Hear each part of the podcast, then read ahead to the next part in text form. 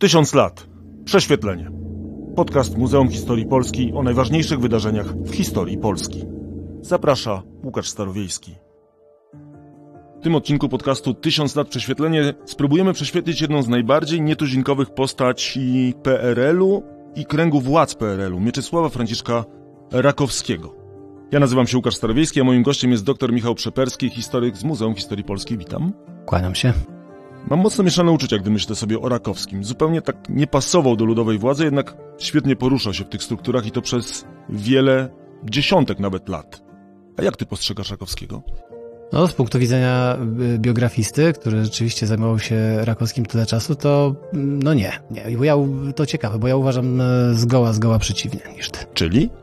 W moim, w moim przekonaniu Rakowski pasował e, do, do PRL-u, był człowiekiem z PRL-u, w jakimś sensie był krwią z krwi i kością z kości z PRL-u. E, no zatem e, to też w tym kontekście w ogóle nie dziwi mnie to, że świetnie poruszał się w jego strukturach. Za chwilę wrócimy do tej rozmowy i spróbujemy naświetlić i charakter, i nazwijmy to dokonania Rakowskiego w polskiej rzeczywistości ludowej. Część pierwsza. Pokrętna droga do władzy. Zanim przejdziemy do tego życiorysu Rakowskiego, zapytam się najpierw może o to, jakim był człowiekiem. Właśnie jaki miał ten charakter? Ciekawy. To jest człowiek, który mnie z czasem bardziej, coraz bardziej zaczął interesować jako, e, jako jednostka, może coraz mniej jako na przykład myśliciel polityczny. Startowałem dobrych parę lat temu z takiego zainteresowania, z takiego zaciekawienia Rakowskim jako liberałem, czy jakąś taką osobą, która ma, no właśnie, jakieś takie, nie, jak na komunistę, nieco e, mniej nieprzyjemne, a może w ogóle przyjemniejsze poglądy. Jakiegoś takiego człowieka, który, który chce modernizować, który chce to robić w sposób, no nie wiem, jakoś tam, jak na komunistę, delikatny. Z czasem okazało się, że jeżeli chodzi o jakiś taki bardzo konkretny zestaw jego poglądów, to niewiele się da konkretnego ustalić. Natomiast zupełnie co innego, gdy mowa o nim jako właśnie o jednostce, jako człowieku, jako człowieku który ma pewne określone postawy, który, który jest impetyczny, który jest energiczny, który, który jest takim człowiekiem z krwi i kości. Taki Rakowski jest, jest, jest w mojej książce, taki, którą, którą mu poświęciłem, taki jest Rakowski w moich oczach, oczach biografisty, który spędził z nim dobrych parę lat i to mi się wydaje mm, jest tak naprawdę chyba chyba najciekawsza część Rakowskiego, jako postaci historycznej również. Jak miał w takim razie ten charakter? Był egocentrykiem, nie liczył się z ludźmi? Spróbujmy poznać jego osobiście najpierw. Bardzo trudno jest oczywiście zamknąć w paru zdaniach człowieka, który e, żył ponad 80 lat, ale gdyby taką karkołomną, jakąś intelektualną wyprawę sobie zafundować, powiedziałbym tak, że to na pewno człowiek bardzo energiczny, egocentryczny, jasne, ambitny, E, gotowy do, do tego, żeby zdobywać jakieś kolejne życiowe e, szczyty. W jakiś dziwny sposób łączył z tym również umiejętność do poddawania się autorytetowi. Bywał konformistą i to, to bardzo konsekwentnym. To muszę powiedzieć, no bardzo mi tutaj mało pasuje. Uwierało jedno z drugim. Tak, chciałoby się mieć takiego bardziej jednoznacznego bohatera. Rakowski takim jednoznacznym bohaterem stanowczo, e, stanowczo nie jest to, co powiedziałem o tym, że ambitny, że, że impetyczny, może nawet momentami impetyczny aż do, aż do, aż do przesady. Ci, którzy negocjowali z nim w latach 80., wspominali, mam na myśli Solidarnościowców, Karol Modzelewski choćby, wspominał, że właściwie Rakowski bywał postacią rozhisteryzowaną, hamletyzującą i że to było straszne, że to było, że to było koszmarne. No ale z kolei też ludzie, którzy znali go na stopie towarzyskiej, e, no i to w różnych czasach, choćby i w, w tych samych latach 80., wspominali, że E, bardzo szybko potrafił skracać dystans, że był otwarty na uwagi innych, że był skłonny do, do dyskusji. No więc jakoś to wszystkie nieco, nieco lub trochę bardziej niż nieco sprzeczne ze sobą cechy łączył w jednej osobie, no i to go czyni postacią na pewno ciekawą. Ciekawy na pewno Rakowski był. To teraz już przejdźmy do tego życiorysu. Nawet jego początek jest niezwykle ciekawy, jeśli chodzi o drogę, bo on przed wojną skończył bodajże cztery klasy podstawówki. Potem znalazł się w Wojsku Ludowym, błyskawicznie tam awansował do stopni oficerskich, a od 1946 roku jest w PPR, potem w PZPR. No i tak raczej zapowiadał się na początku na, może nie szarego, no ale na aparatczyka po prostu. Tak przynajmniej wyglądał jego, kierował go jego życiorys. To z drobną korektą, taką mianowicie, że w 1945 roku, kiedy on wstąpił e, w szeregi Wojska Polskiego, Ludowego Wojska Polskiego, można byłoby też powiedzieć, no ale jedynego Wojska Polskiego, do którego można było wstąpić w Poznaniu późną zimą 1945 roku. No, rzeczywiście Rakowski y, musiał zrobić wrażenie na tych, którzy go przyjmowali w szeregi wojska, że posłano go do szkoły oficerskiej, która działała jeszcze na etacie wojennym i to stąd bardzo szybko osiągnięty stopień, chor stopień chorążego, czyli pierwszy stopień oficerski, który uzyskał we wrześniu 1945 roku. Mówię o tym dlatego, że później ta jego kariera w Wojsku Polskim to wcale nie była jakoś e, wyjątkowo prędka. Nawet zaryzykowałbym stwierdzenie, że wręcz przeciwnie. Ja nie mam do końca jasnej odpowiedzi, dlaczego właściwie Rakowski nie zrobił takiej wielkiej kariery w wojsku. Chcę powiedzieć to, że byli tacy 19-letni oficerowie, którzy bardzo szybko zostawali majorami, pułkownikami, czy by się chciało zestawić z tym e, Wojciecha Jaruzelskiego, który bardzo szybko został właśnie pułkownikiem, potem najmłodszym generałem e, Wojska Polskiego. No tylko to jest o tyle nietrafne, że, że Jaruzelski po prostu powąchał prochu na, na polu walki, a Rakowskiemu to nigdy, e, nigdy nie było dane, ale mogę się zgodzić na pewno z jednym, że te pierwsze lat, miesiące czy lata Rakowskiego przez długie lata 40 niczego szczególnego nie zapowiadają. Co robił w takim razie w tym aparacie, tworzącym się, rosnącym aparacie partyjnym na początku Polski Ludowej?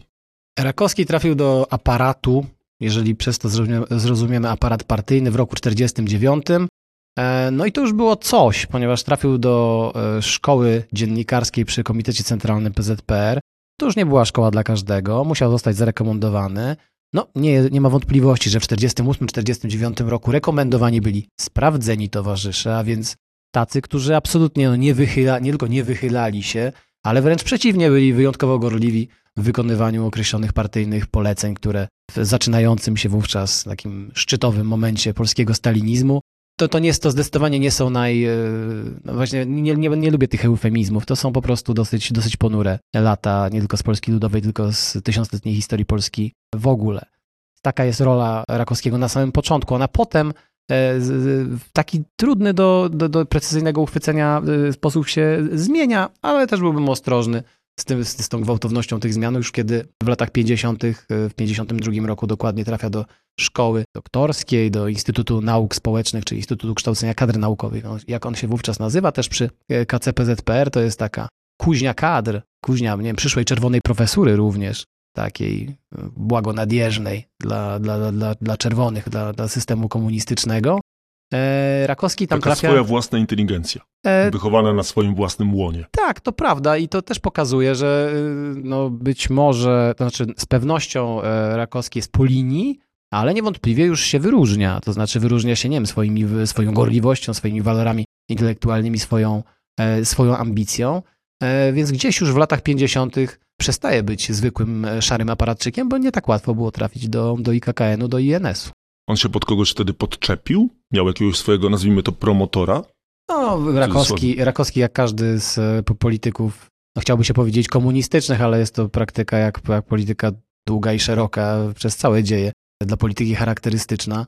Miał oczywiście swoich, e, swoich promotorów, takim był początkowo Ferdynand Haber, dzisiaj postać kompletnie zapomniana, w późniejszych latach to był Artur Starewicz, a także oczywiście już potem pierwsi sekretarze partii, Gomułka, Gierek, Jaruzelski w już taki szczególny sposób, bo ta ich, ich relacja była taka powiedzmy nosząca pozory partnerstwa. Ale to już długo, dużo później w latach, w latach 80. Mm, będziemy przy tym temacie.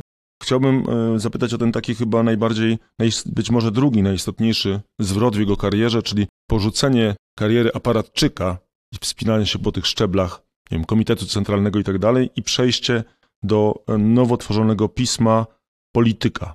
Na fali odwilży październikowej powstaje takie pismo i on tam trafia jako zastępca, zresztą jako osoba właściwie mm, anonimowa dla tych ludzi, dla tej grupy, do której trafia.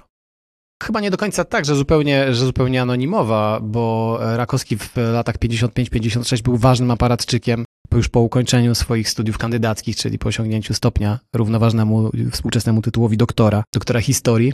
W latach 55-56 Rakowski był szefem sektora prasy Komitetu Centralnego, co efektywnie było pozycją dosyć istotną, trzeba jednak powiedzieć. No, jeżeli zważy się na to, że w latach 55-56 nastąpiła odwilż i w jakimś sensie, no ktoś może, może powiedzieć, czasem historycy tak mówią, publicyści może częściej jeszcze, o zerwaniu się komunistycznej prasy z łańcucha wiem, cenzury czy kontroli Komitetu Centralnego, no to Rakowski był jednym z tych, którzy y, tej smyczy no, nie utrzymali w odpowiedni, w odpowiedni sposób. Ale jesienią 56 roku Rakowski jest po właściwej stronie barykady, jest razem ze, ze Starewiczem, z Andrzejem Werblanem i jest wśród w gronie przekonanych zwolenników e, Gomułki i to owocuje tym, że w początku 57 roku zostaje oddelegowany do tworzenia e, tygodnika Polityka jako zastępca e, Stefana Żółkiewskiego i no trzeba powiedzieć jako taki mocny, mocny człowiek politycznie, taki, który będzie rzeczywiście tą redakcją zawiadywał. No i w 57 roku owszem zawiaduje, ale w taki sposób, którego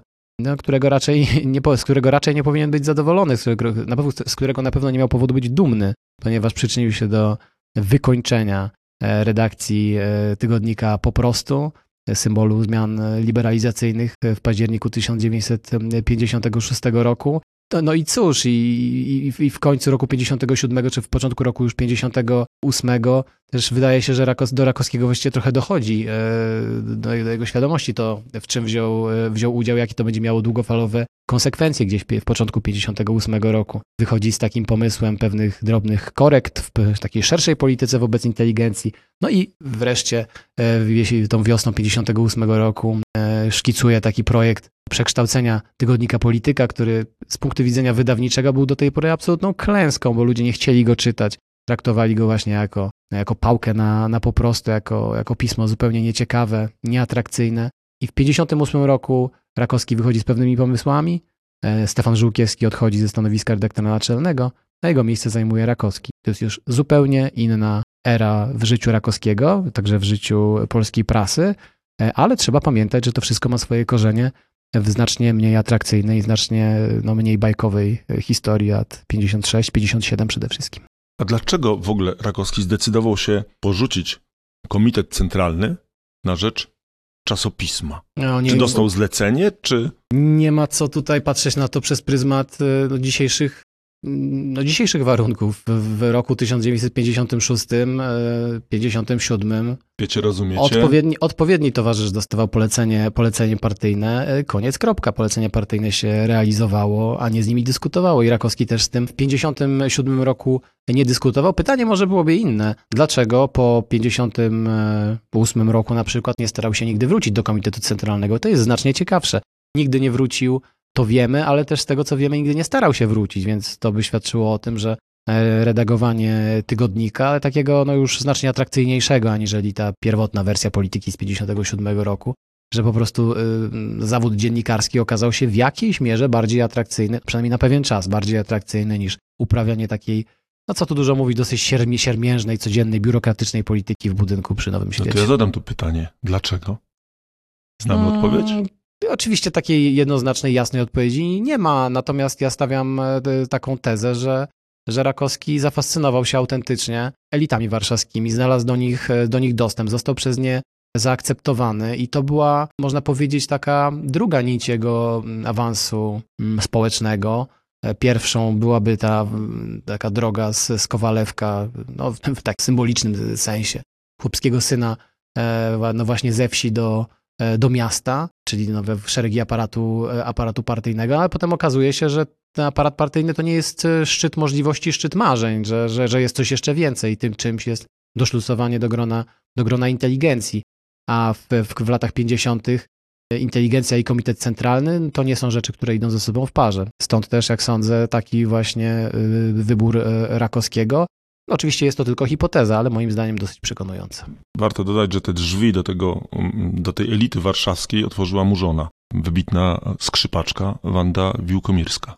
Z pewnością e, bardzo mu w tym e, pomogła. Przestrzegałbym jednak przed takim traktowaniem, no nie wiem, że na plecach żony. Nie, nie, no, absolutnie. To, to, byłoby, to byłoby na pewno zbyt, zbyt, zbyt, zbyt, zbyt, proste, ale oczywiście historia Rakowskiego jest właśnie też dlatego interesująca, że, że jest bardzo wieloelementowa, wspaniała osoba, wybitna skrzypaczka i, i naprawdę niezwykły człowiek. Miałem przyjemność jeszcze rozmawiać z panią Wanną Wiłkomirską. To na pewno był, e, jakbyśmy dzisiaj powiedzieli slangowo, game changer w, w życiu Rakowskiego. Co do tego nie ma wątpliwości.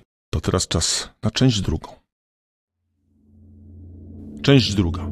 Polityka i polityka. Mówiliśmy, że partia była trampoliną do pisma, a w pewnym sensie pismo stało się też trampoliną w polityce. Można tak powiedzieć? No z pewnością y, można byłoby tak powiedzieć. Na pewno by, by Rakowski nie znalazł się na tak wysokim stanowisku w istotnym z punktu widzenia politycznego tygodniku, gdyby nie, gdyby nie partia, nawet nie tyle, że wsparcie partii, tylko bycie de facto żołnierzem partii na pierwszej linii frontu. Ale z drugiej strony już lata 60. i 70., których jak sądzę zaraz porozmawiamy, to jest czas, kiedy Rakowski wykorzystuje politykę, tygodnik polityka, czy polityka przez duże P, do realizowania różnych swoich ambicji e, politycznych. To nie jest taka mm, kariera polityczna, no nie wiem, rozumiana prostacko, że raz, dwa, trzy bardzo chcemy e, osiągnąć jakąś e, bardzo określoną, konkretną funkcję, a przynajmniej nie od razu. Natomiast niewątpliwie polityka przez duże P, tygodnik polityka był narzędziem i, i to w coraz większym stopniu z, z biegiem czasu, takim narzędziem właśnie gry politycznej w rękach, e, w rękach Rakowskiego, służącym mu do budowy jego pozycji i rozwoju kariery. Był nazywany w, w, przez opozycję czasami takim mianem półopozycjonisty. Czy rzeczywiście on był półopozycjonistą, czy tak naprawdę po prostu był pewnym odłamem w nurcie władzy? To oczywiście wszystko zależy od punktu, od punktu widzenia. Dlaczego można byłoby na niego spojrzeć jako na półopozycjonistę? Dlatego, że E, rzeczywiście miał w sobie pewien e, gen, nie wiem, nieuczesania, tak polecowemu, żeby powiedzieć. Jakiś, e, jak, jakąś taką też skłonność do, do podejmowania pewnego ryzyka dla obrony własnych opinii, dla, dla, dla tego, żeby coś niepopularnego swoim przełożonym powiedzieć. Tak, to prawda, to Rakowski robił konsekwentnie w latach 50., 60., 70. i w latach 80., kiedy już był wysoko w drabinie władzy także. Natomiast czy to naprawdę wystarcza do tego, żeby określić go mianem opozycjonisty? No już w moim takim stricte subiektywnym pojęciu nie. No, chyba nawet nikt, nikt, się nie odważył, znaczy nie, nie użył takiego słowa. Półopozycjonista to chyba maks, co można było tak, ale, ale, no dobrze, tylko półopozycjonista to, to, znaczy to, to, to, już, to już całe, dosyć, dosyć blisko leży, leży opozycjonisty. Wychodzi, jakby innymi słowy, próbuje, próbuje zaargumentować to, że i półopozycjonista to nie jest to sformułowanie, które mi tutaj dobrze odpowiada. Dlaczego? Ponieważ opozycjonista stoi e, w wyraźnej, wyraźnej kontrze do, do, do kluczowych poglądów, które druga strona, właśnie można mówić o jednej i o drugiej stronie. Jestem opozycjonistą, kiedy się z kimś fundamentalnie nie zgadzam, a, a Rakowski oczywiście znajdował się w rozmaitych konfliktach e, dłuższych czy bardziej przejściowych z osobami z partii komunistycznej, czy z jakimiś liderami partyjnymi, czy, czy, czy elitami władzy, e, ale miał zawsze świadomość, to jest swoją drogą też dla niego bardzo charakterystyczne i ciekawe, on zawsze miał takie poczucie, że po pierwsze Polska Ludowa, PRL to jest jego kraj, nie ma żadnej innej Polski dostępnej dla niego ówcześnie, a komunizm, czy też ta idea, która, no nie wiem, zmieniała się, ale ciągle była nazywana komunizmem, to jest jego idea. W związku z tym no, ja nie widzę tutaj w ogóle przestrzeni na to, żeby, go, żeby dostrzec w nim choćby i ćwierć. Dla mnie intrygujące było to, jak on sobie radził przy zmianach władzy. Postawił na e, dobrego konia przy momencie, kiedy, kiedy, kiedy był przełom październikowy. Udało mu się utrzymać wszystko, co, co mógł utrzymać w momencie, kiedy, kiedy e, Gomułka odchodził, zastępował go Gierek. I przy następnej wolcie komunistycznej władzy, władzy także nic mu się nie stało. Jak to jest możliwe? pewnie mieszanina szczęścia y, i umiejętności. Jeżeli chodzi o 56 rok, no to był jeszcze, był jeszcze człowiekiem e, młodym, więc w jakimś sensie nie było powodu, powiedzmy, że jego hipoteka nie była obciążona, bo no nie w większym stopniu aniżeli hipoteka innych. No byli tacy towarzysze, no, którzy rzeczywiście nie mieli czego szukać w, w popaździernikowej Polsce. Rakowski na pewno do nich nie należał.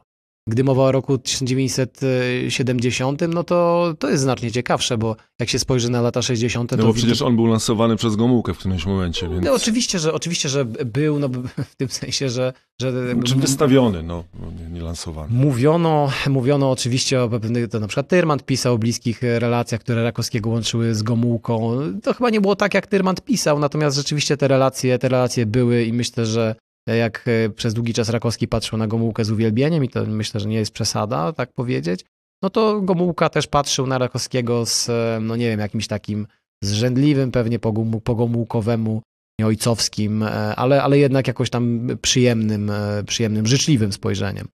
Wielokrotnie zresztą tego, tego Gomułka dowiódł, nie wiem, w 68 roku choćby w ostateczności Rakowskiego nie wyrzucając z redakcji tygodnika Polityka, choć, choć, istniało takie, choć istniało takie ryzyko. Natomiast w drugiej połowie lat 60.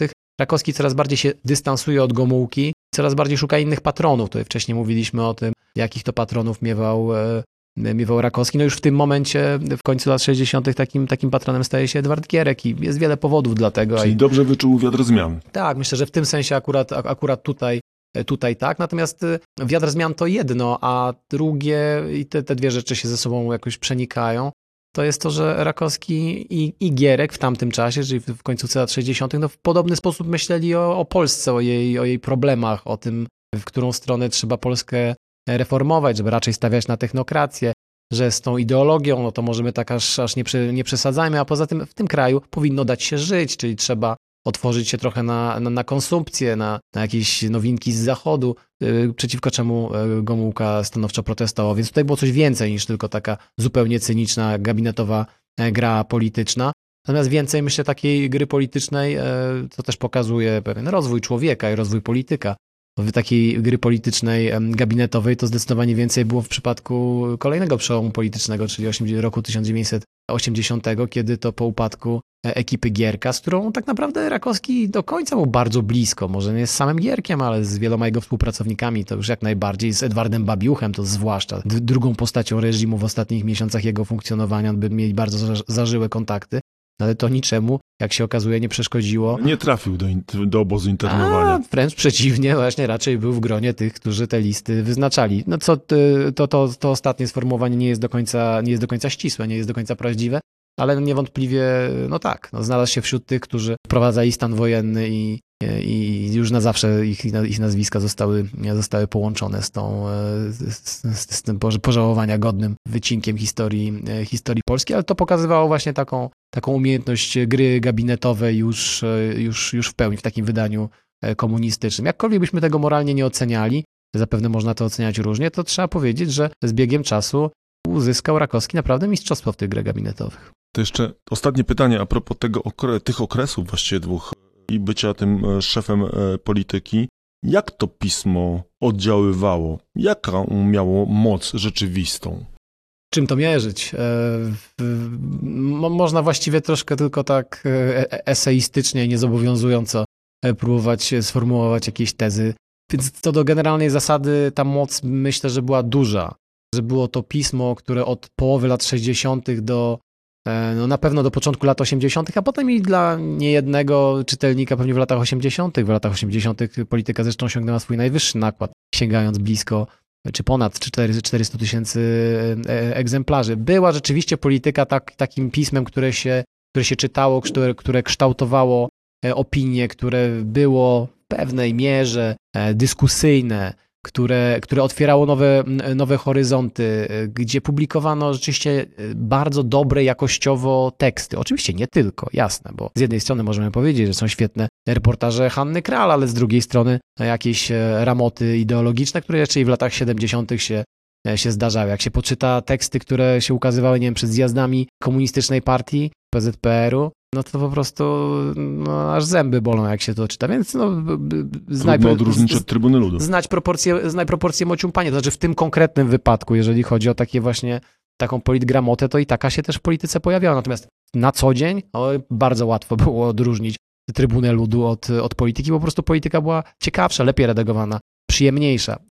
Tam takim powiedzmy czasem wskazywanym, e, może teraz częściej ostatnio wskazywanym e, elementem e, historii tygodnika polityka jest, jest taka niejednoznaczność, no nie wiem, powiedzielibyśmy moralna może, może jest, istnieje taka chęć dzisiaj, żeby, e, a może, może już i wtedy istniała taka potrzeba, żeby to, to, to, to pismo w jakiś taki sposób, nie wiem, bardziej się e, opowiedziało, nie wiem, było bardziej opozycyjne, albo może właśnie bardziej w, w, otwarty sposób, bardziej, bardziej, nie wiem, partyjne, czy bardziej takie właśnie błagonadjeżne i, i, i- i pokorne wobec, wobec władzy, władzy Komitetu Centralnego. Myślę, że cała magia, czy też cała niezwykłość tygodnika Polityka po- polegała na tym, że, że, że to pismo przez bardzo długi czas siedziało okrakiem na barykadzie e, i nie dało się trafić żadnym pociskiem. Słowo półopozycjonista w tym wypadku znowu gdzieś, gdzieś na widnokręgu pewnie mogłoby padać.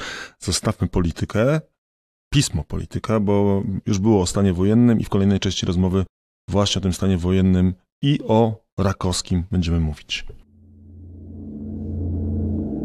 Część trzecia. Wicepremier stanu wojennego. Zastanawiając się nad tą częścią rozmowy, tak pomyślałem sobie, próbowałem sobie wyobrazić Rakowskiego stojącego obok Wojciecha Jaruzelskiego i mam wrażenie trochę ognia i wody. To znaczy, jak patrzę sobie na nich jako osoby publiczne, oczywiście nie znając ich kompletnie prywatnie, to, to, to nie pasują mi do siebie zupełnie. A to jednak Jaruzelski ostatecznie wywindował Rakowskiego na same szczyty władzy. W stanie wojennym, o tej ostatnim e, okresie to jeszcze będziemy rozmawiać e, później. Ale na stanowisko wicepremiera jeszcze za Festiwalu Solidarności. Po co generałowi był ten, nazwijmy to, liberał? To tylko jeżeli chodzi o ścisłość, e, tą osobą, która wedle tego, co mnie udało się ustalić, która zdecydowała o ostatecznym awansie Rakowskiego, był jednak Stanisław Kania w styczniu 1981 roku, ale y, Kania powiedzmy był tylko tym pierwotnym impulsem, a później... Katalizatorem. W jakimś sensie, tak chyba dobrze byłoby powiedzieć. Natomiast potem oczywiście Jaruzelski e, utrzymywał e, Rakowskiego przy politycznym życiu tak długo, jak było mu to na rękę. No i potem tam odstawiał go na boczny tora. Na, na sam koniec PRL-u znowu do niego, znowu do niego wrócił. Dlaczego? Myślę, że dlatego, że elita komunistyczna w Polsce uważała Rakowskiego, w jakimś sensie była to samo spełniająca się przepowiednia, za e, liberała. Za taką postać, która przez to, że jest liberalna, że przez lata była krytyczna, że na przykład w latach 70., co istotne, kontestowała politykę, na przykład ekonomiczną e, ekipy, ekipy Gierka, to dobrze takiego człowieka mieć w swoim rządzie, bo, bo on będzie dodawał nam wiarygodności, on będzie, on będzie symbolem tego, że my chcemy pójść inną drogą. I tak chyba rzeczywiście w Polsce odebrano i tak szerzej Polacy, jak i znane nam reakcje elit e, intelektualne, nie wiem, ludzie skupieni wokół Tygodnika Powszechnego, wokół więzi, czy, czy pewna część intelektualistów to solidarnościowych. Nie było tak, wejdę ci w słowo, że to także trochę dlatego, że z nim się dało normalnie rozmawiać, na przykład na tych, nazwijmy to, salonach czy w różnych miejscach, że on inaczej mówił niż e, większość tych e, wysokich dygnitarzy PRL-u, że inaczej się zachowywał, że może grał, może kreował postać, no ale tę postać kreował konsekwentnie. Czy to może o to chodzi? O to też chodzi, oczywiście. Ja bym był bardzo ostrożny w, w, nie wiem, w mówieniu o tym, że on grał. On, nie, on myślę, że, on, myślę, że, myślę, tak, myślę, że on, myślę, że on był autentyczny, no w tym sensie, że tak jak powiedziałem wcześniej, że łączył w sobie dwa światy, czyli świat komunistycznej polityki, świat e, nie wiem, popijania koniaczków w gabinetach Komitetu Centralnego, no skądinąd ten koniaczek, myślę, był cokolwiek podławy i raczej taki bardziej kaukaski aniżeli francuski. E, natomiast już takie lepsze, przyjemniejsze trunki i pewnie też przyjemniejsze i bardziej pogłębione intelektualnie rozmowy to są salony warszawskie i tu i tu e, Rakowski bywał i 81 rok to jest ostatni rok, kiedy on mógł e, z równą pewnością siebie wyjść tu i tu. I myślę, że właśnie też ten fakt, że on był człowiekiem z dwóch, z pogranicza dwóch światów, z punktu widzenia generała Jaruzelskiego był, był atutem. Ale jednocześnie to, co było atutem z perspektywy Jaruzelskiego, no stało się zarążkiem klęski Rakowskiego, klęski politycznej i przede wszystkim klęski osobistej, jak sądzę. Jeszcze powiem takie jedno zdanie, to mi uciekło, powinienem je wcześniej użyć, ale mam bardzo smakowity cytat Mariana Brandysa, który odnotował, że podczas zabawy sylwestrowej 76-77 e, Rakowski miał stwierdzić, właściwie jestem po waszej stronie, ale wiem, że musicie przegrać. No tak, tego rodzaju cytatów u, u Rakowskiego znajdziemy, yy, znajdziemy więcej, tylko no właściwie w jaki sposób powinniśmy je interpretować? Czy to jest świadectwo e, cynizmu, świadectwo, no właśnie, nie, nie, wiem do końca, nie wiem do końca czego. W każdym razie, no jest to, jest to taki bardzo rakowski cytat, tak bym powiedział. Cytat rakowski. Zrobiliśmy przymiotnik. Tego cytatu nie mam dosłownego, natomiast na początku grudnia on pisał do Jaruzelskiego, że należy wprowadzić stan wojenny. Opowiedział się zdecydowanie, nie wiem, czy to już dlatego, że wiedział, że to nie ma, nie ma od tego odwrotu i jakby podpiął się, czy rzeczywiście e, uważał, że rozwiązanie siłowe jest jedynym możliwym z jego punktu widzenia. Jest to takie pytanie, na, które, nad którym się historycy e, dziejów najnowszych w naszym kraju zastanawiają i będą się zastanawiać. Nie wiem tak naprawdę, w którym momencie Rakowski znalazł w sobie przekonanie, że że, że, że wprowadzenie stanu wojennego, że zastosowanie siły jest jedyną możliwością. Tak, w grudniu 1981 roku najwyraźniej był przekonany, że nie ma innego e, wyjścia, aczkolwiek do samego końca miał całą masę, całą masę wątpliwości, czy to go rozgrzesza. No w, moim, w moim odczuciu nie, bo jest to w ogóle paskudna i straszna po prostu decyzja, e, którą podjęto w grudniu 1981 roku. Natomiast, no, no, no nie wiem, no, jak to w ogóle, jak to w ogóle pogodzić? Tak? Jak to w ogóle zrozumieć, że, że z jednej strony jest się, jest się politykiem, który bierze na siebie brzemię takiej, takiej fatalnej decyzji, a z drugiej strony nie rezygnuje się, nie odchodzi się.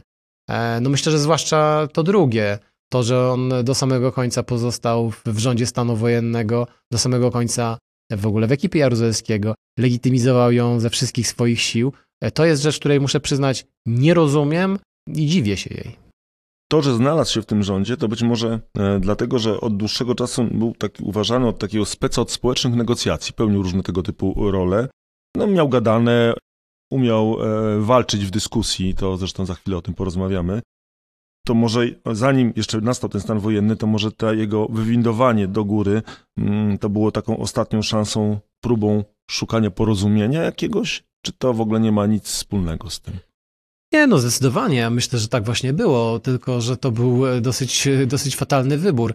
Bo jeżeli założymy, że sytuacja była taka, w lutym 1981 roku e, Rakowski zostaje wicepremierem w rządzie jaruzelskiego, jego głównym zadaniem jest tak naprawdę negoc są negocjacje z Solidarnością i to się dzieje. I Rakowski bardzo konsekwentnie próbuje się wywiązać z tego, z, z tego zadania. Marzec 81 roku, czerwiec 81 roku, sierpień 81 roku i tak właściwie aż do wprowadzenia stanu wojennego. Na czym polega problem? Problem polega na tym, że Rakowski ma twarz liberała. Aby tę twarz utrzymać, on musi czynić e, stale ustępstwa. Natomiast komuniści dlatego go wybierają, aby był negocjatorem, żeby był wiarygodny, ale żeby właśnie tych ustępstw nie czynił. Nadto jeszcze e, Solidarność, elity solidarnościowe znajdują się pod stało, stale rosnącą, bardzo silną presją ze strony swoich mas członkowskich, byśmy powiedzieli, ze strony swoich członków po prostu, którzy oczekiwali no, pewnej takiej nie tylko e, integralności, ale również pełnej transparentności tych negocjacji i to była absolutnie mieszanka wybuchowa, to znaczy to się nie mogło udać. W jakimś sensie można powiedzieć, że e, wnioski z klęski rakowskiego negocjatora z roku 81 zostały wyciągnięte jesienią 88, kiedy głównym negocjatorem przygotowań do okrągłego stołu został Czesław Kiszczak, czyli właśnie postać zupełnie na, na antypodach względem tej opinii, którą się Rakowski cieszył w 81 roku, kiedy policjant i taka stupaja, twarda stupaja, taką był Kiszczak przecież, siada I do... to on jest twarzą okrągłego stołu ze strony Jest to, jest to prawda, natomiast ustępstwo jakieś poczynione przez tak twardego człowieka smakuje zupełnie inaczej, aniżeli ustępstwo poczynione przez liberała. Gdy policjant się cofa, no to co jest znaczy? Gdy liberał się cofa, uznajemy to za coś normalnego. Więc, więc no niestety tam, w, w tym sensie ta misja Rakowskiego była po prostu od samego początku e, do samego końca źle pomyślana. Po wprowadzeniu stanu wojennego Rakowski, pozostając na stanowisku, już mówiliśmy o tym, czy to był błąd, czy nie i, i jak to wygląda jego twarz w tym wypadku, optował za rozwiązaniem Polskiego, e, Polskiej Zjednoczonej Partii Robotniczej. Dlaczego? Myślę, że dlatego, że zdawał sobie sprawę i miał rację, że Polska Zjednoczona Partia Robotnicza w latach 80-81, no tak naprawdę no, też i w szerszej czasowej perspektywie, no kompletnie się skompromitowała. Że y, tak naprawdę PZPR, która funkcjonowała po 13 grudnia 81 e, roku, zawdzięczała swoje istnienie, swoje funkcjonowanie, swoją władzę. Fakt, że tę władzę mogła, tę władzę mogła sprawować tylko i wyłącznie e, bagnetom, no chciałoby się powiedzieć sowieckim. Tak, sowieckim też, ale to bardzo konkretnie po prostu polskiego wojska. I, i tyle.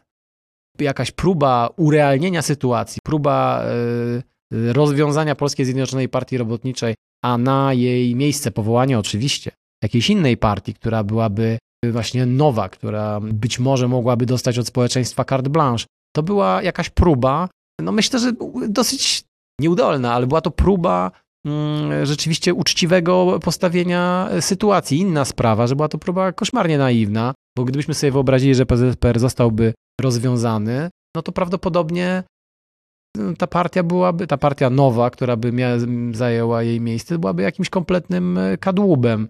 I, i, już nie miałaby, no nie wiem, nie, to, to, że nie miałaby poparcia społecznego, co, to, co do tego nie mam wielkich e, złudzeń, bo, bo i PZPR go nie miała, ale tak to jeszcze i bardzo ciężko byłoby w ogóle zbudować e, struktury partii, a bez struktur partii państwo komunistyczne nie mogło, e, nie mogło funkcjonować. W związku z tym, no być może był to jakiś poryw, e, być może szlachetny, natomiast nie najmądrzejszy.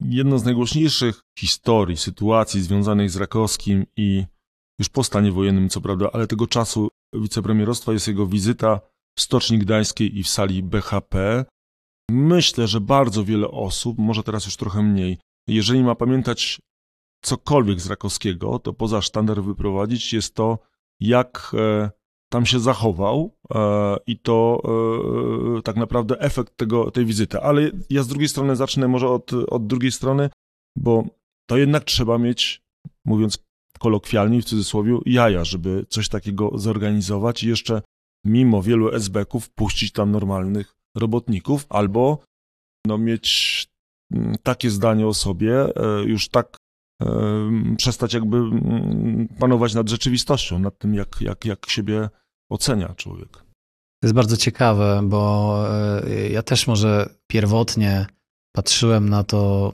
spotkanie jako na jakąś próbę, e, no nie wiem, zderzenia się z rzeczywistością, tak, że takiego, takiego wyjścia właśnie tej rzeczywistości naprzeciw. No, jak to jest? Wicepremier rządu komunistycznego chwilkę po zamknięciu e, stanu wojennego, chwilkę po zniesieniu stanu wojennego, zdecyduje się na spotkanie z robotnikami. Kurczę, to rzeczywiście może budzić, budzić jakiś podziw, nawet jeżeli zachowywał się tam karygodnie. No tylko potem się się okazało, kiedy, kiedy troszkę tę sprawę przebadałem, że rzeczywiście na sali było, była cała masa SB-ków, była e, cała masa żołnierzy, również odpowiednio wyselekcjonowanych. Tak, była też grupa robotników, nie wiem, autentycznych robotników stoczniowych z Lechem Wałęsą na czele, w tym sensie, że jako, jako z przywódcą duchowym. E, I, I, nagle to wszystko zaczęło przypominać jakiś upiorny teatr. To znaczy, no, no to jak to jest? No to albo się władza e, Szerakowski w tym wypadku boi, albo się nie boi. No, nie można e, takich rzeczy robić i, i, i pozostać, pozostać w pełni wiarygodnym.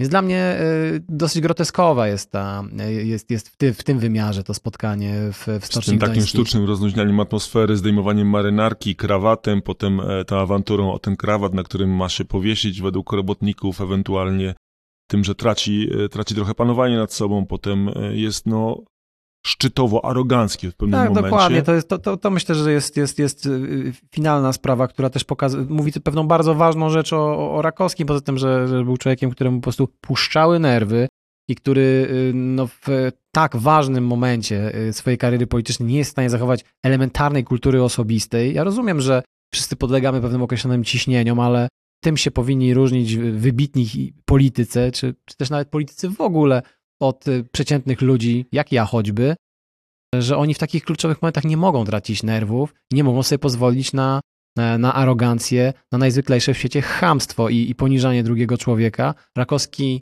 niestety to panowanie nad sobą, nad sobą stracił, pokazał y, fatalną y, twarz i jednoznacznie to spotkanie przegrał i jest prawdą, że to spotkanie zaciążyło na, na, na, pewnym, na, na tym, jak go chyba zapamiętała historia. Takie mam takie mam wrażenie. I nawet jeżeli nie jest to w pełni sprawiedliwe, bo to była znacznie, jak, jak mówię, bardziej e, wielobarwna i niejednoznaczna postać, no to jednak, e, no cóż, jest to po prostu porażka Rakowskiego i jest to pewien obiektywny fakt, że bardzo wiele osób go, ci, którzy jeszcze w ogóle go pamiętają, no to pamiętają, pamiętają go z tego.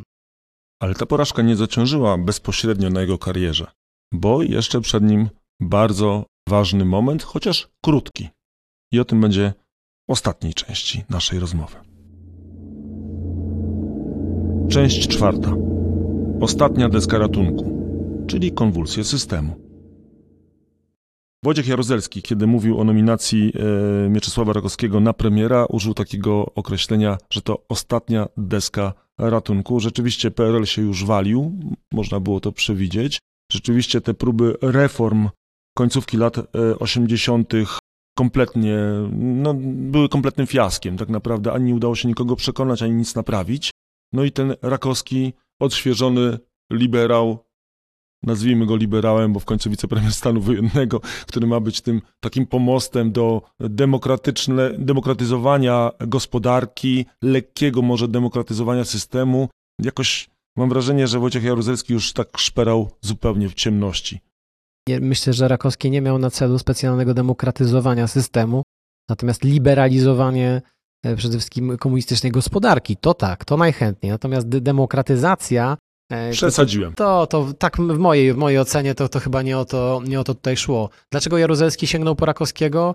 Bo e, jeżeli chodzi o ekipę polityczną, która została w Polsce no, jakby u szczytu władzy w, w końcówce lat 80., E, no to powiedzmy, że Rakowski w dalszym ciągu, pomimo tego, że był twarzą stanu wojennego, no bezprecedensowo i właściwie no, człowiekiem zbrukanym raz stanem wojennym, potem tym spotkaniem w stoczni, niejednym, niejedną aragoncką e, wypowiedzią, to ciągle był człowiek, który no, wyróżniał się, wyróżniał się taką żwawością, wyróżniał się im, właśnie taką impetycznością, wyróżniał się no, byciem światowym, no ciągle był, ciągle był taką barwną, niewykorzystaną ciągle postacią, niewy, nie, niewykorzystanym potencjałem.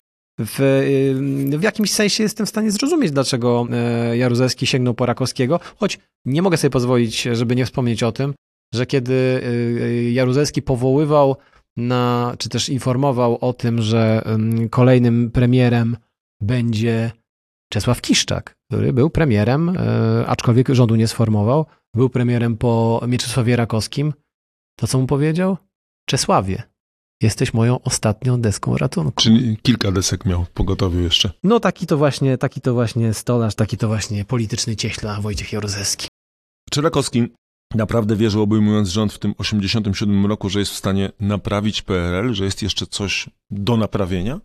Muszę powiedzieć, że e, im dłużej badam ten e, okres, a, a pasjonuje mnie on niezwykle, tym bardziej nie mogę zrozumieć, e, dlaczego było tak, że, że muszę na to pytanie odpowiedzieć twierdząco. Jestem przekonany, że Rakowski uważał, że on naprawi PRL, że go przekształci, że, nie wiem, przeprowadzi system przez, przez Morze Czerwone. Mesjanizm taki.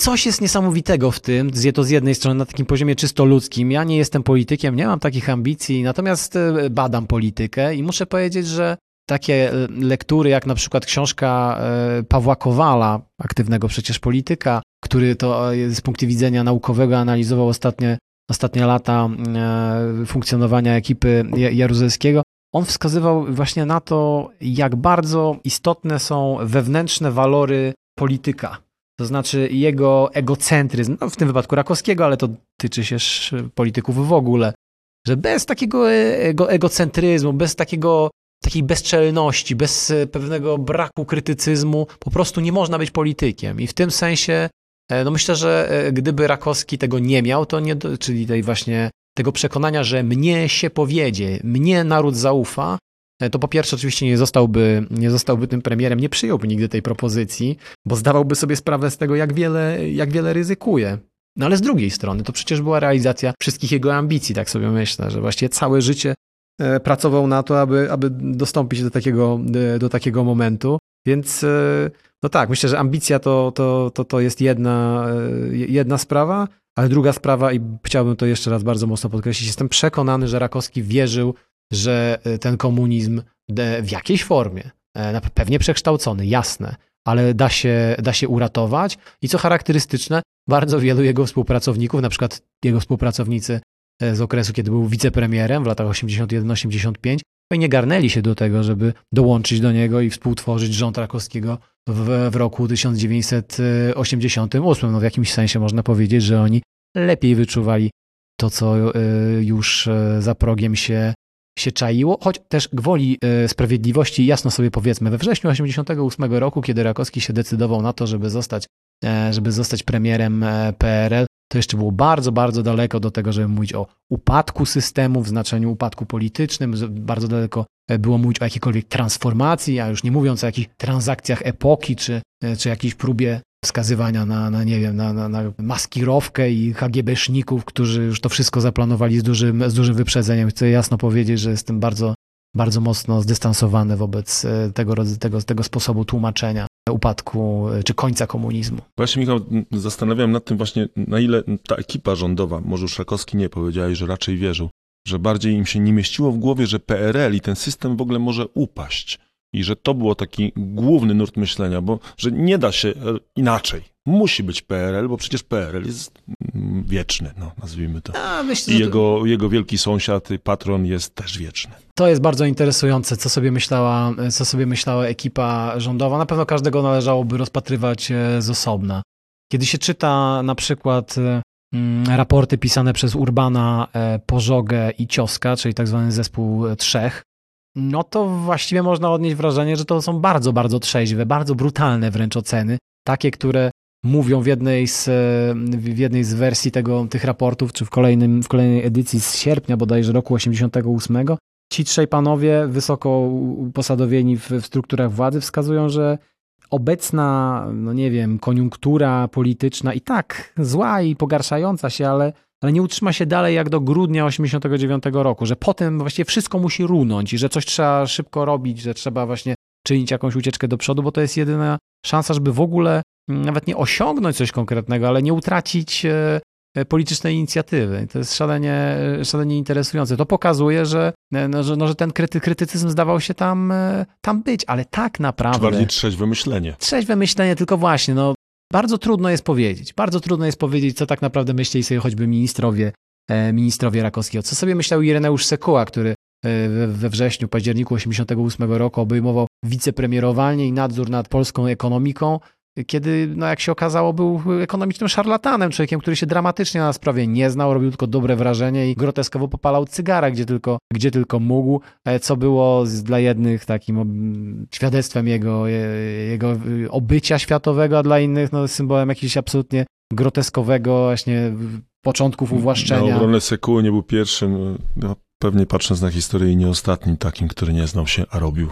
E, tak, rządził. tak, aczkolwiek, Ale... aczkolwiek interesuje mnie to, interesuje mnie to co, co, on sobie myślał, co on sobie myślał o przyszłości, o, o, o przyszłości systemu. I, I tak bym może taką hipotezę zaryzykował, że specjalnie się tym nie przejmował. Myślę, że, że po prostu było to myślenie w innym, w innym horyzoncie. Korzystał z tu i teraz. Tak, dokładnie. I myślę, że, myślę, że to na przykład Rakowskiego, i to ostatnim zdaniem, to na pewno Rakowskiego odróżniało od, od ludzi, którzy z nim współpracowali, że on naprawdę, jakkolwiek by to nie brzmiało, on się troszczył, on się martwił o Polskę, e, o Polskę Ludową, podczas gdy jego, zwłaszcza młodsi współpracownicy, nie wszyscy oczywiście, ale mam takie wrażenie, że wielu z nich nie bardzo się przejmowało właśnie losami, losami systemu, bo, bo, bo, bo i tak coś będzie, prawda? I nie bali się tego, co, co może przyjść. E, ten rząd e, i, i Rakowski to chyba był pierwszy rząd po 1945 roku, w pewnym sensie niezależny od partyjnego aparatu, od PZPR-u, a w każdym razie mogący postawić się, postawić się aparatowi. Wydaje mi się, że tak Rakowski chciał e, sprzedawać ten swój rząd. Myślę, żebym argumentował, że istotnie był to rząd bardziej niezależny niż jakikolwiek inny e, w, po 1945 po 45 roku. Przy czym trzeba pamiętać, że ta zależność od, od aparatu była, no, trzeba by to na no, Raczej nie wierzę, że jak Jaruzelski by coś powiedział i tupnął nogą, to rząd by nie, tego nie Nie, nie, nie, tylko, tylko właśnie może, może, może w inny sposób na to, to powiedzmy. To był niewątpliwie rząd w pełni zależny od, od Jaruzelskiego, ale już w znacznie, znacznie mniejszym stopniu, na przykład zależny od sekretarzy sektorowych Komitetu Centralnego. Przed tymi ostatnimi Rakowski był się w stanie wybronić. No Jaruzelski absolutnie od samego początku lat czy 81, może tak, od, od, od grudnia 81 roku aż do samego końca reżimu komunistycznego w Polsce e, Jaruzelski miał pierwsze i ostatnie słowo. Co wywróciło rząd Rakowskiego ostatecznie? No nie ma wątpliwości, że brak, e, że brak pieniędzy, no katastrofalna sytuacja e, gospodarcza, brak kredytów. W krótkim terminie to, że nie udało się spowodować zmiany nastawienia politycznego Zachodu, przede wszystkim Bonn, Paryża, Waszyngtonu, odblokowania właśnie możliwości zaciągania nowych kredytów. Gdyby to było możliwe, to być może udałoby się kupić jeszcze parę miesięcy, natomiast strukturalne rozwiązania, jakie przyjmował rząd e, e, Rakowskiego, zaryzykowałbym, chociaż to jest bardziej gdybologia, zaryzykowałbym, że też nie przyniosłyby mu e, sukcesu i po pierwsze no i, i ostatnie tak naprawdę, że szybko to te, te linie kredytowe znowu zostałyby zablokowane, bo, bo inflacja zapewne wystrzeliłaby wystrzeliłaby w górę, a, a, a rząd byłby bardzo niechętny takim krokom, które e, no już z początkiem 1990 roku e, wprowadził Leszek Balcerowicz, czyli takiej drogi twardo neoliberalnej. To temat na zupełnie inną rozmowę, natomiast takie polityczne samobójstwo, które popełnił Rakowski, to moim zdaniem to decyzja o likwidacji Stoczni Gdańskiej, bo to już jakby przeciął wszystko, co mógł, ewentualnie wszystkie ścieżki. Czy już po prostu i tak to było wszystko pogrzebane i w gruzach wtedy? Mm, no nie, myślę, że, myślę, że to, to, jest, to, to, to jest dosyć płytkie interpretowanie, no po, po, pogrzebał. A do kogo on właściwie mówił wówczas? Wydaje się, że, że, że mamy październik 88 roku i jeszcze wszystkie drogi, wszystkie możliwości są przynajmniej teoretycznie otwarte. W październiku 88 roku Rakowski próbował pokazać, że jest przede wszystkim, na tym mu zależało w pierwszym rzędzie, Chciał pokazać, że jest twardym politykiem, że on potrafi walnąć pięścią w stół i niczego się nie boi. Gorbaczowowi w Moskwie 21 października 88 mówił, że o niczym innym tak nie marzy, jak e, zamknąć no, na parę tygodni na przykład Uniwersytet Warszawski i w ten sposób pokazać studentom, którzy burzyli się najbardziej przeciwko komunistom, że on tutaj rządzi. No i y, uniwersytety nie zostały zamknięte, zamknięta została stocznia. I w tym sensie oczywiście Rakowski pokazał, że jest twardy, no tylko, że okazało się, że po prostu brakuje mu kapitału politycznego, w tym sensie, że on chciał odsunąć, e, nie wiem, Solidarność, perspektywę e, dyskusji z Solidarnością o, o, o polityce. Sam chciał e, tak poprawić sytuację gospodarczą, że, że ta poprawiona sytuacja gospodarcza miała napędzić poparcie komunistom, ale to było, to było absolutnie utopijne, bez takiego elementarnego zaufania Polaków i takiego bardziej ugruntowanego zaufania Polaków to nie było, to nie było wykonalne, ponieważ poprawianie sytuacji ekonomicznej wymagało na przykład y, stałego wzrostu cen i obniżenia e, poziomu życia, a tego się nie da robić w sytuacji tak fatalnego zaopatrzenia i tak fatalnej sytuacji rynkowej, jaka panowała na przełomie 88 i 89 roku. Więc po prostu Rakowski licytował za wysoko. I przegrał. I ostatnie, tak naprawdę jego publiczne, ważna historia, jedna z najsławniejszych związanych z jego życiem, to jest zjazd PZPR-u, na której on powiedział sztandar wyprowadzić. Kończąc e, kilkudziesięcioletnią historię Polskiej Zjednoczonej Partii Robotniczej. I właściwie tu się jego rola historyczna skończyła. Był spalony, bo próbował jeszcze działać, ale był spalony. Prawda. Myślę, że myślę, że to jest oczywiście. Już bardzo wiele powiedziano o tym, jak bardzo paradoksalne jest to, że człowiek, który chciał zmieniać tę partię komunistyczną, tak naprawdę no, z, z, zgasił światło. Nie wiem, czy tu wiele nowego można, można powiedzieć, ale faktem jest, że miał na pewno Rakowski jeszcze ambicje, pewnie też miał energię i, i kto wie, pewnie miał też i nie wiem, intelektualne potemu predyspozycje, żeby w jakiś sposób budować nową socjaldemokrację w Polsce po 1989 roku. Natomiast z punktu widzenia politycznego, wizerunkowego, no już po prostu było na to, na to za późno. No nie było możliwości, e, aby wicepremier stanu wojennego i premier kryzysowych lat 88-89, a nadto jeszcze ostatni sekretarz komunistycznej partii tworzył jakąś nową jakość. Tym bardziej, że byli nowi, młodzi, utalentowani politycy, tacy jak Aleksander Kwaśniewski czy Leszek Miller. Dla Rakowskiego po prostu już nie było miejsca. I tu postawimy kropkę, skończymy naszą rozmowę o no, jednej z najciekawszych, najbardziej nietuzinkowych postaci PRL-u.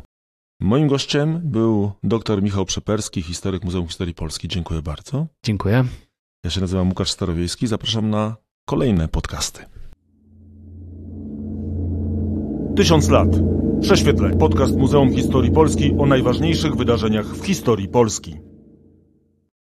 Podcastów Tysiąc lat prześwietlenie wysłuchasz na YouTube, Spotify, Google Podcast, Audiotece, a także na innych platformach podcastowych. Chcesz być na bieżąco? Subskrybuj kanał Muzeum Historii Polski.